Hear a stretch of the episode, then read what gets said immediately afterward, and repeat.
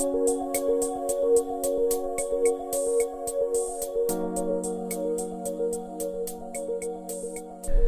сонсогч та бүхнийхээ энэ өдрийн амглан айлтгая. За Eagle Radio 91.1 үндэсний тайм сэтгүүлтэй хамтран бэлтгэдэг Тайм юу өгөөлөө подкастын шин дугаар эхлэж байна. За энэ 7 хоногт бид сэтгүүлийнхээ 561 дахь дугаарыг уншигч сонсогч та бүхнийхээ гар дээр өргөн бариад байна. Тэгэхээр тайм сэтгүүлд энэ 7 хоногт багтсан онцлог сэдвүүдийг хөндөхөөр Үсэ тайм сэтгүүлийн нийтлэл жишээлэг төмөр лавсрнаар студид ажиллаж байна. За өдрийн мэнд хүргэн шилгээ. За өдрийн мэнд. За бид энэ удаагийнхаа дугаарыг мэдээж нийгмийн анхаарлын төвд байгаа нэгэн сэдвт онцлог материал буюу одоо манай сэтгүүлийн ковер зориулагдсан байгаа. Энэ бол үндсэн хуулийн одоо нэмэлт өөрчлөлт биш гэж ярьж байгаа тийм үндсэн хуулийн өөрчлөлт өөрчлөлтийн сэдвээр өөрөөр хэлбэл өнгөрсөн 7 хоногт улсын хурал дахь улс төрийн намууд ойлголцолд хүрч за парламентын гишүүдийн тоог 126 байлгахаар гэх юм тий ойлголцол төрсэн үний өмнө 152 гэдэг тоо яригдчихсэн. За одоо тоо бол 126 болсон. Тэгэхээр ойлголцлын цэг 126 байж чадах уу? Энэ тоо цаашид нэмэгдэх үү эсвэл буурах уу гэдэг энэ асуудлыг манай шилэг өөр хөндөж бичсэн байна. Тэгэхээр энэ 126 гэдэг тоог одоо онцлох болсон шалтгаан нь юу байгаа юм бэ? За тэгэхээр үндсэн хуулийн өөрчлөлтийн төслөл засгийн газраас өргөн барих барьсан заавал ганцхан заалт байгаа. Ганцхан заалт боловч бас өргөн агуулгатай учраас ер нь бүх нийтийн анхаарлыг татж जैन тий. Улс даяараа хилцүүлэг өрнөж जैन. За анх бол төсөл дээр 152 гишүүнтэй байна. Улсын хурал гэж өргөн барьсан. За өнцөлийн өөрчлөлтийн төслийн яг нэгдүгээр хилцүүлэг явагдаад улсын хурлын гишүүд тойрогтой очиж ажиллаад төслөө танилцуулаад ер нь олон нийтийн дэмжлэг авсангүй 52 152 гэдэг хэтэрхий тоол айгүй шөмжлөлтэй толгарсан шүү дээ. Тийм маш олон байна. Хэтэрхий олон байна. За одоо 76 ойжснаа гинт одоо хоёр дахин нэмэгдүүлнэ гэхээр одоо хүлийн зөвшөөрөхөд мэдээж бэрхэлтэй. Тэгээд дэмжээгүй учраас улсын хурл судалтай намууд зөвшөлтсөд иргэдийн санал дээр үндэслээд за тэгвэл 126 болгоё гэдэг хоёр дахь хилцүүлэг энэ 7 хоногийн даваа гарагаас эхлээд бас гişүүд мөн ялгаагүй тойрогтой ингээд танилцуулаа явж байна. За 152 гэдэг тоо бол одоо шинжлэх ухааны үндэслэлтэй гэд тайлбарлаж ирсэн. Одоо куб язгуурын зарчим гэдэг.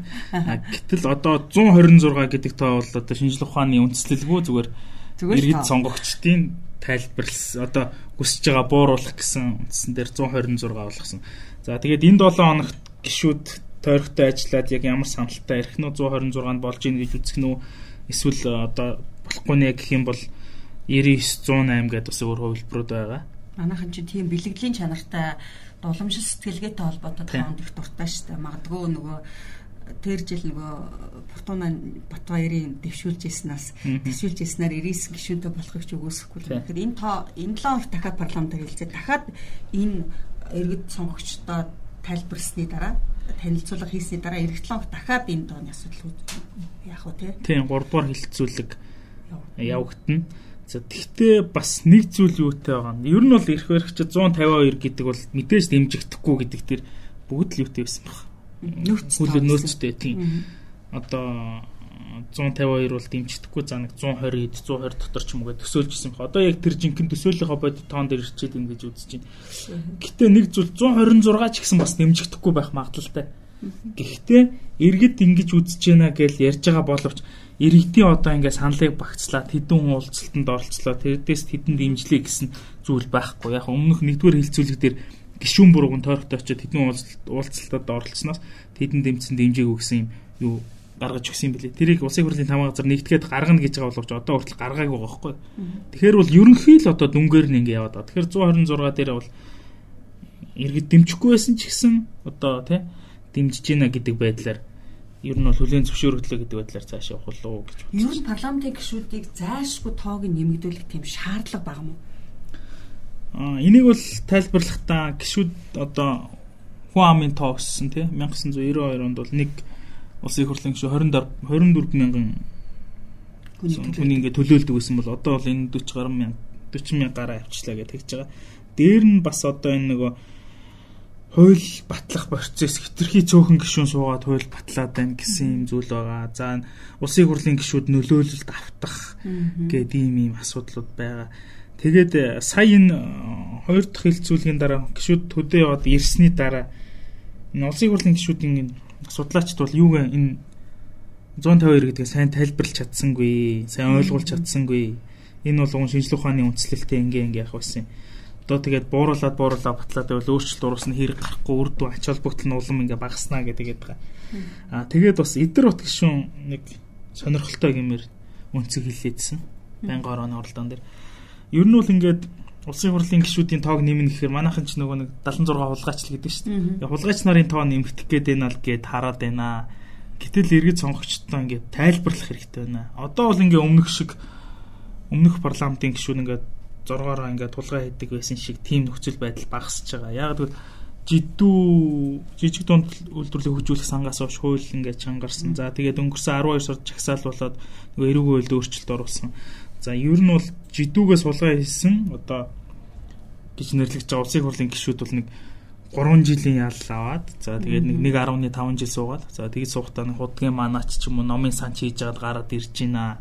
Одоо энэ 12 сард өнгөрсөн 12 сард баталсан хуулиар бол улсын хурлын гишүүн одоо иймэрхүү асуудал холбогдох юм бол нэг 15-аас 20 жилийн ялтай болж байгаа. Энэ нь бол одоо ингээд улсын хурлын гишүүд илүү тийм хазгаа гიშх хэрэггүй юм зохицуулт болж байгаа ийм ийм ер нь бол ингээд өмнөхшгөө байхгүй гэдгийг ойлгуулах хэрэгтэй. Нилээн хомигдана. Хомигдана гэдгийг хэлэхгүй байна. Тэгэхгүй болохоор л ерөөсөн хулгайч нарын тоог нэмлээ гэж хүлээж аваад байна гэжсэн бас үнцэг. Тэгээ ер нь бол гişүүдийн тоо эндээс бүхнээс харахад бол хэдээр ч юу бай бай тоогоо аль яаж тогтсноос шалтгаалаад нэмэгдэх нь бол залбиргүй юм байна тий. Тий. Нэмэгдэх нь бол гарцаагүй. Яг гэдэг. За тэгээд бас эн чи юу байгаа? Ганцхан заалт тэрнээ дотор хоёр агуулгатай. Тэр нь болохоор нөгөө 126 гишүүнээ яаж сонгох уу гэдэг сонгуулийн тогтолцоо юм байна. Тэгэхээр 76 одоогийнхоор бол 76 гишүүнийг тойргоос 50 гишүүнийг чагсаалтар гэдэг гэж байна. За тэгээд 76 гишүүн жижиг тойргоос явах уу, томцгсон тойргоос явах уу гэдэг нь бол дараа нь сонгуулийн хууль нөгөө тойрог мандат хуваарлах улсын хурлын тогтоолоор шийдэгдэх баг. Тэр нь бол яг эхлээд өөрчлөлт оруулж байл нэг 6 сарын 20-доор. Тийм 6 сарын 20-оос өмнө сонгуулийн хууль автлаа. За тэрнээс хойно нөгөө тогтоол автлаад тойрог яаж хуваах мандат хуваарлах гэдэг энэ асуудлууд нь. Их ажил хүлээж байна да. Их ажил хүлээж. Гэхдээ нэг ойролцоогоор 14 хоногийн дараа ч юм уу энэ бүх ингээд бүр илүү тодорхой болчих.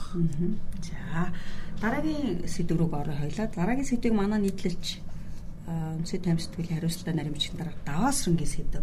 Бид бас урд нь бас нийгмийн эрүүл мэндийн чиглэлээр бичиж л байсан сэдв байна. Бас үргэлжлэл ягаад энийг байн байн сөхөж өгөхөр яг үндэ бол нийгэм тулгамдаад байгаа асуудлуудын нэг.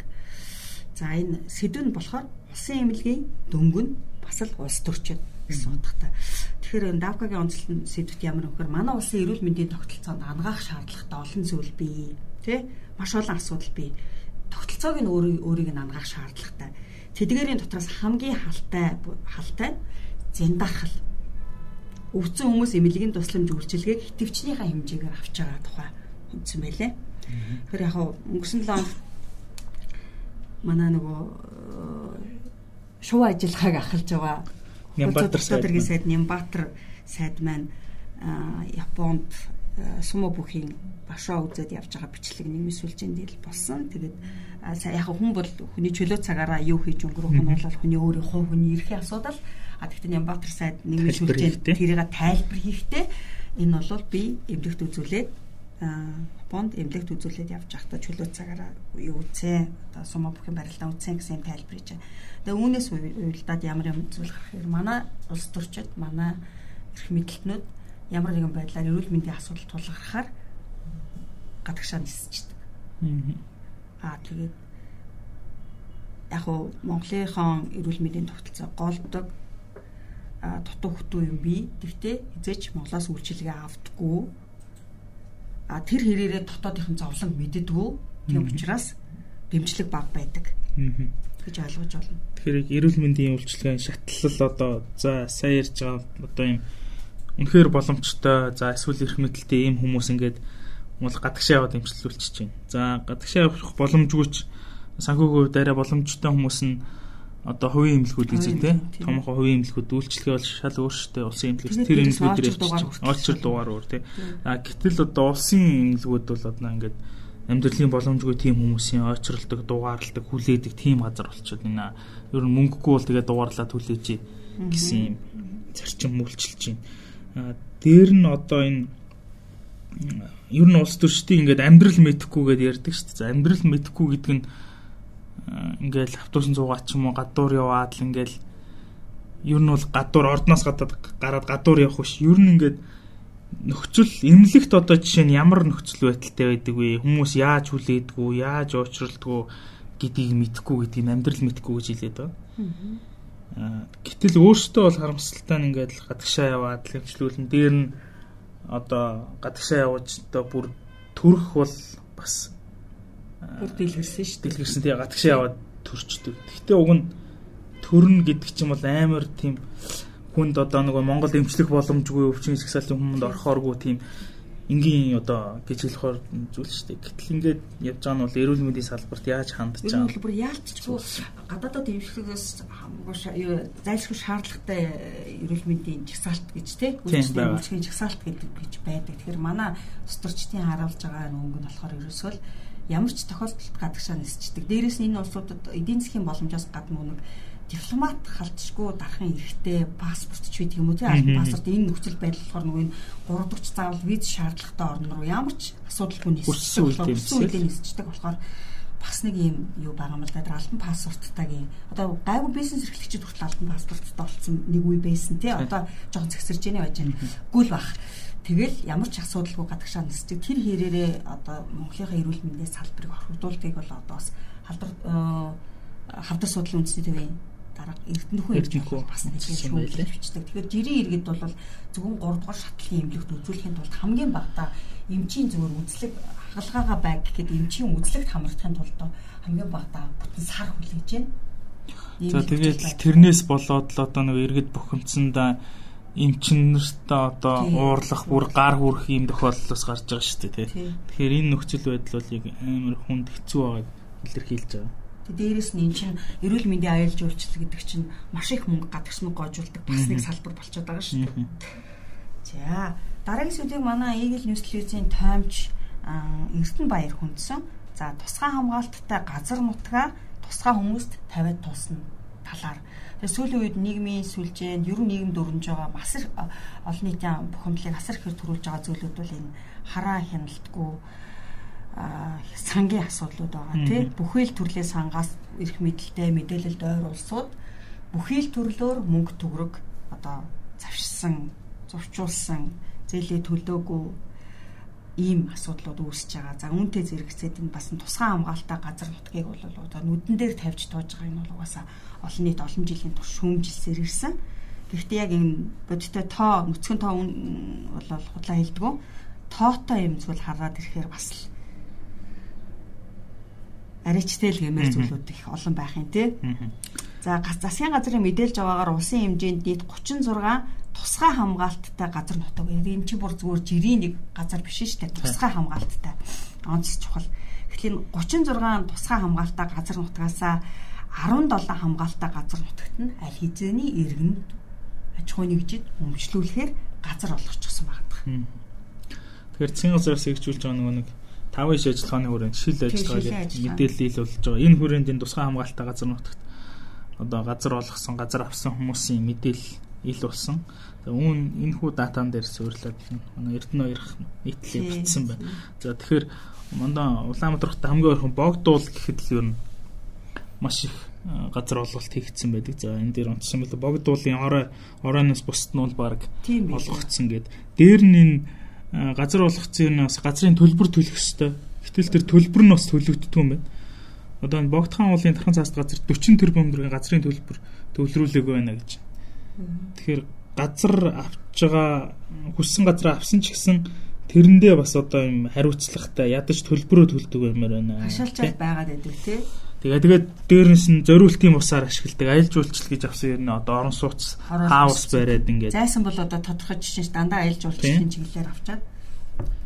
Зайсангийн аманд л ихэд ингэж ш дараа.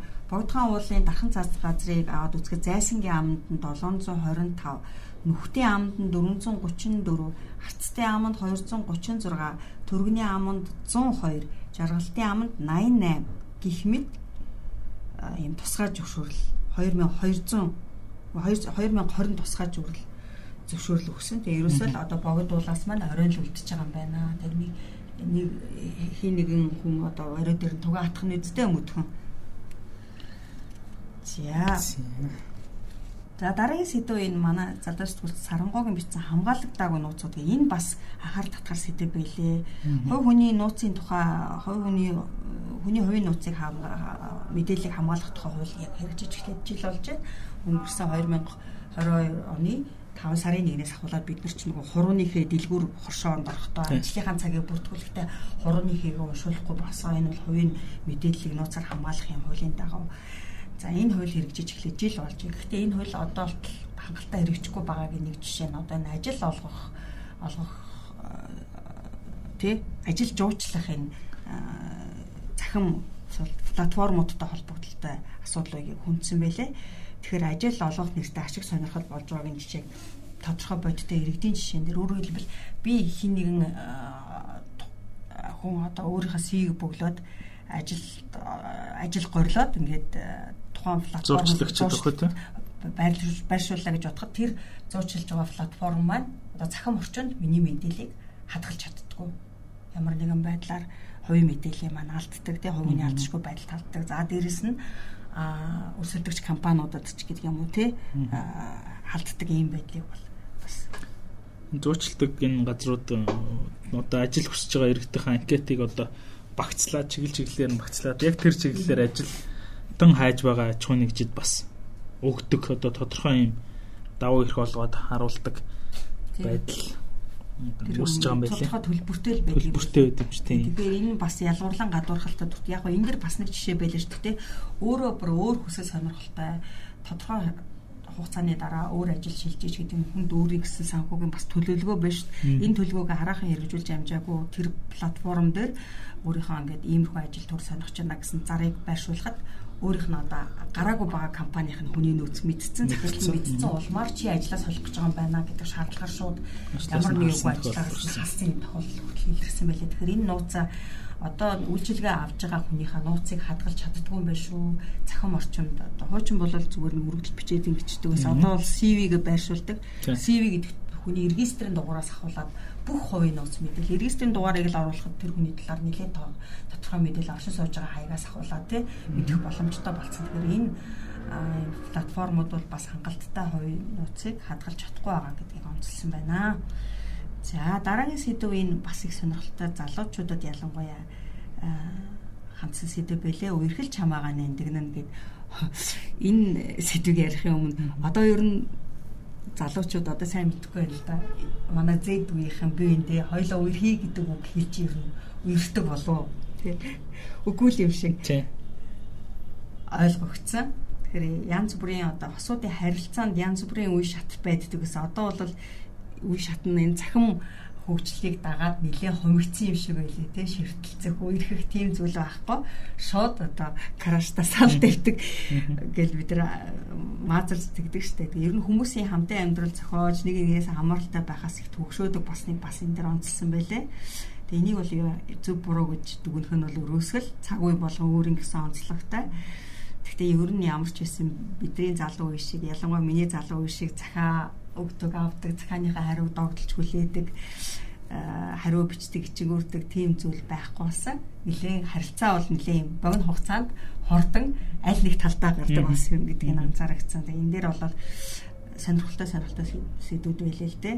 Зайнаас үерхэх юм аа гэдэг зүйл дэлгэрсэн юм байна те. Заавал одоо төрөний яг аюутай адилхан янз бүрийн танилцах платформудаар дамжуулаад үерхдэг харилцаа тогтоодог.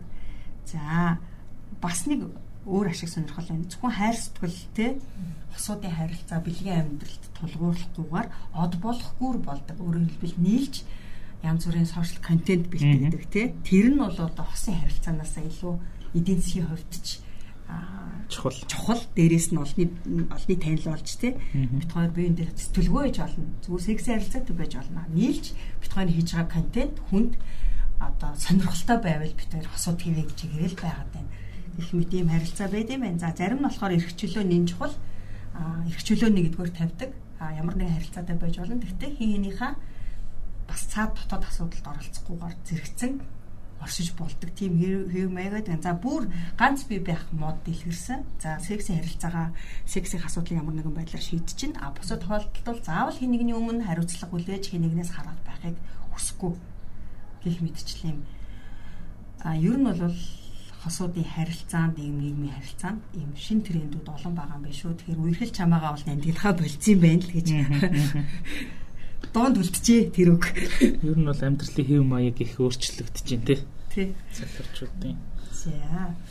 За дараагийн сэдвийг манай бас давсаргийн бас бичсэн байна. Татвараас татгалзах зайлгүй. Би бүрээ тоо тоо баримтыг хараад гайхсан шүү дээ. Энэ үл хөдлөх хөрөнгийн татвартай холбоотой зүйл байсан тийм үл хөдлөх хөрөнгийн татварыг хэрэгжилтээс харахад бол Монгол улсын татварт бол тэгш зарчмаар хийж байгаа зүйл бол бас хор байгааг харагдсан. Тэгэхээр ийм байна л да. Үл хөдлөх хөрөнгийн албан татвар төлөх хувь хэмжээнд бүтгүүлсэн хугацаа болон баашлаас хамаарат харилцан адилгүй байдаг.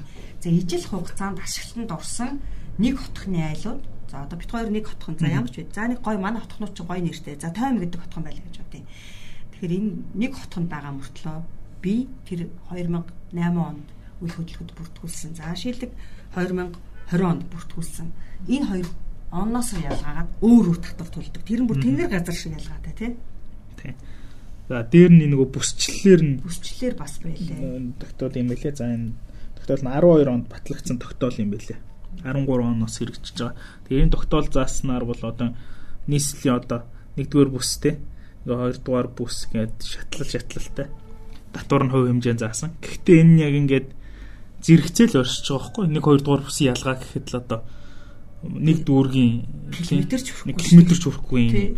Гэтэл ингээд ялгаатай байгаа. Гэхдээ энийг ер нь яаж зохицуулах? Ер нь бол бүр сайн эргэж харах л хэрэгтэй. Тийм шүү. Тэгш бас байдал залруулах. Энэ нийслэлийн засаг даргын орлогч сандаг сүрэнгийн хэлснээр бол энэ ингэж байгаа байхгүй. Үл хөдлөх бодит үлгээс тооцож татвар хурааж чадахгүй байгаа 90-с 2000 он тий одоо 20 хэдэн жилийн үед бүртгэл хийлгэсэн өмнө бүртгэл хийлгэсэн үл хөдлөх хөрөнгийн үлгээ өнөөгийн түвшнээс бага байх нь тодорхой гэж байгаа байхгүй. Тэгээд бага үнэлгээгээрээ бага үнэлгээний дүнгээс тооцож татвар хураахаар бол бага орлого төлөвлөлт За зарим оронд үл хөдлөх хөрөнгийн үнэлгээ 3 жил тутам шинжилдэг тэгэхээр шинжилээд үүнээс нь татвар хураадаг их зүүн юм зохицуулт хэрэгтэй байна гэдгийг бас хүндсэн байлээ. За энэ дэр ийм жишээнүүд байгаа. Улсын хөтөлбөр жишээлбэл 84 сая төгрөгийн татвар төлдөг юм байна. 26858 м квадрат талбайтай энэ бол том объект шүү дээ тий.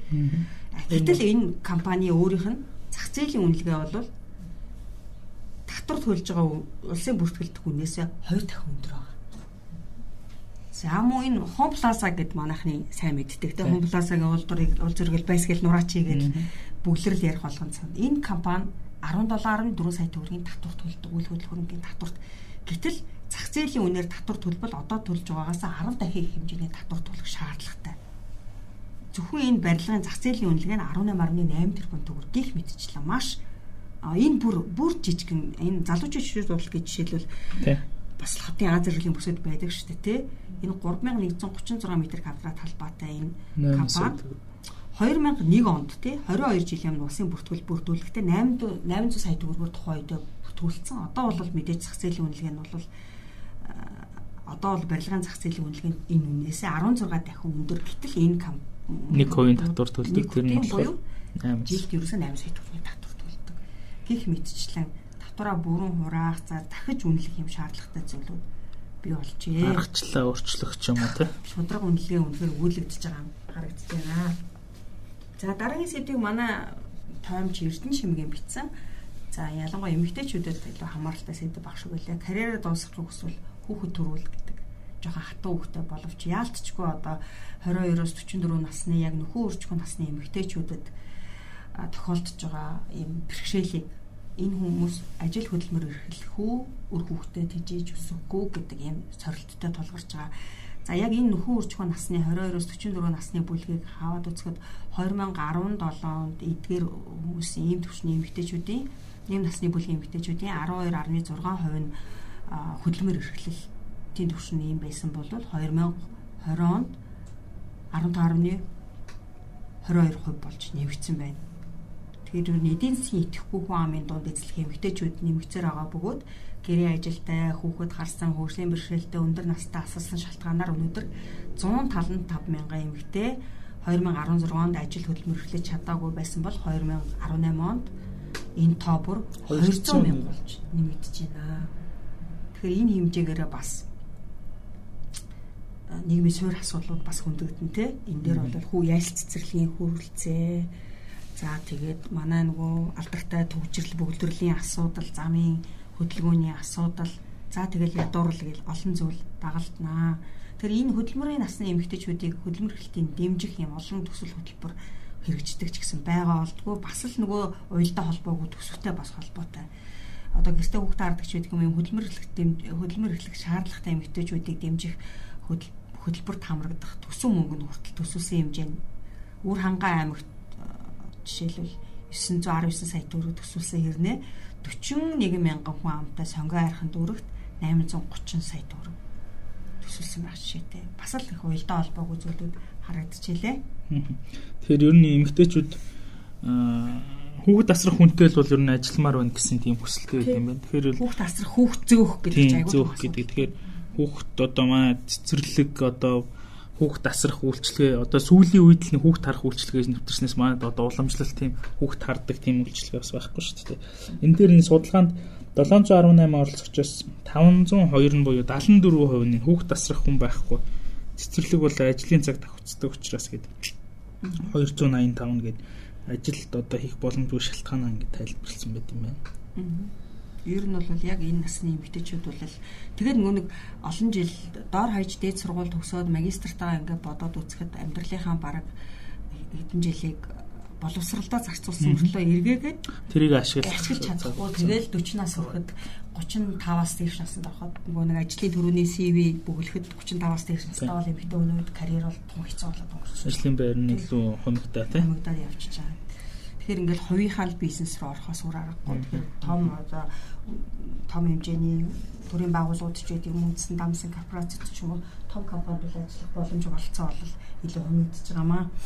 За За дараагийн сэдвийг манай бас Эрдэнэ чимээгийн бичсэн. За боловсрал телевизээр үзэгчдэд маань хүрж байгаа яг түн шиг шоу нэвтрүүлгийн оролцогчдын цоврал ярилцлагыг бид хүргэж байгаа. За өнгөрсөн 7 хоногийн ярилцагч ялагч дуучин Агемагийн ярилцлагыг эндээс уншаарай. За Eagle News, Eagle цэгийн сайтар байна бас гарсан байгаа. Уншигчд маань бас Eagle цэгийн сайтаас унших боломжтой.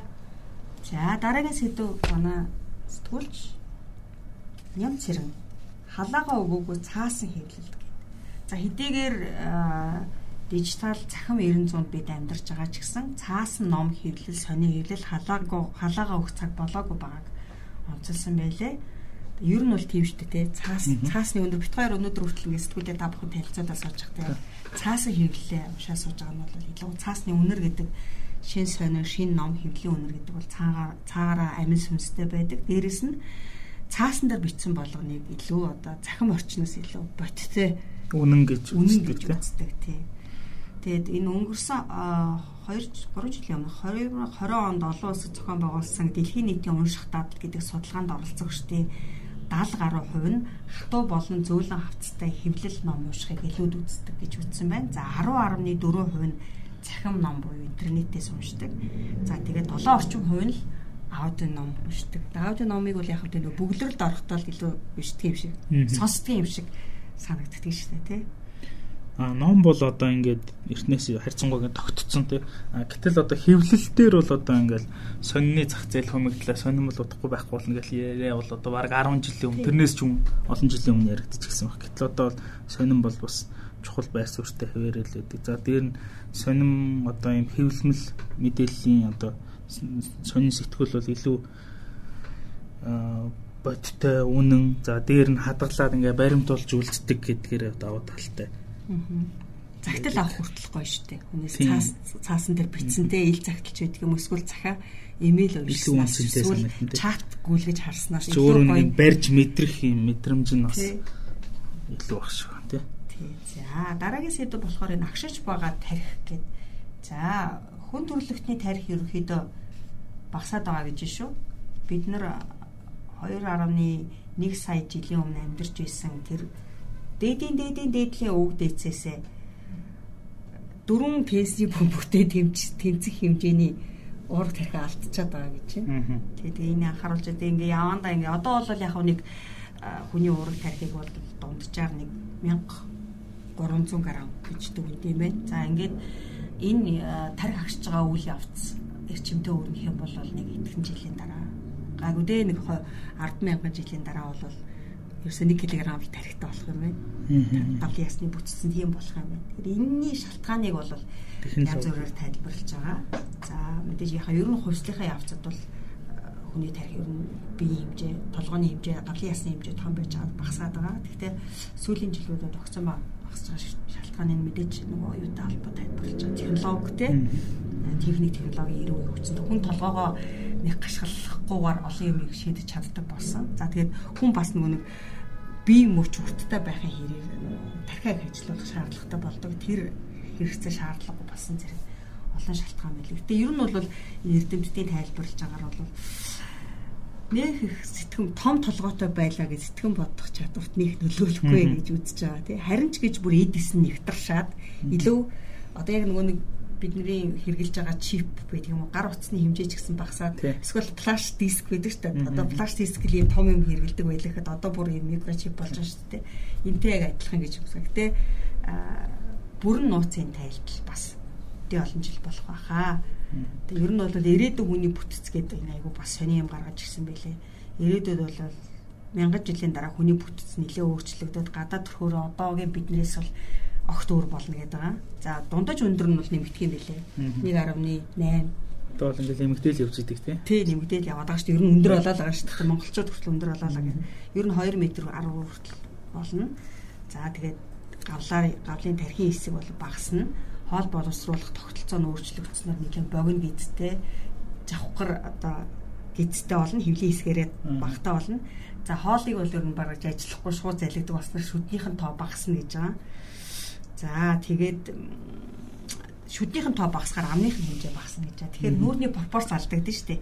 Тэгвэл нүүрнийх нь харьцаанд амныхаа хэмжээг нэхэхийн тулд нүд нь илүү томроод жинхэнэ V хэлбэртэй V болоод нүүр болон нүдний хөдөлгөөнөөсөө илүү одоо гээд хүн бид нар ч нөгөө илэрхийлж юмаа ярихдаа ярихаасаа илүү нүдэрэ болон нүүр болон нүднийхээ мимик хөдөлгөөнөөр бол харилцаагаа илүү илэрхийлдэг болох нэ. За тэгээ технологийн дэвшлийн үрээр бодож бяцлахгүй одоо ядахтаа л 10 хуруугаараа нөгөө ингэж тоо бодох гэж ингэж 10 хуруугаар тоолцсон хөхгүй гар хацаа гаргаад тооны машин оруулчих учраас тарих маань улмал багасаад байна. За ингээд үндсийн тавьсгуулийн 561 дугаарт багтсан онцлог нийтлэл ярилцлагуудаас танилцуулахад юм байна. За уламжлал ясараа 7 хоногийн онцлог, гэрэл зургуу 7 хоногийн онцлог эрхлүүдийг бид бас энэ дугаартаа багтаасан байгаа. Ингээд 7 хоног илүү сонирхолтой шинэ мэдээлэлтэй уулзлаа.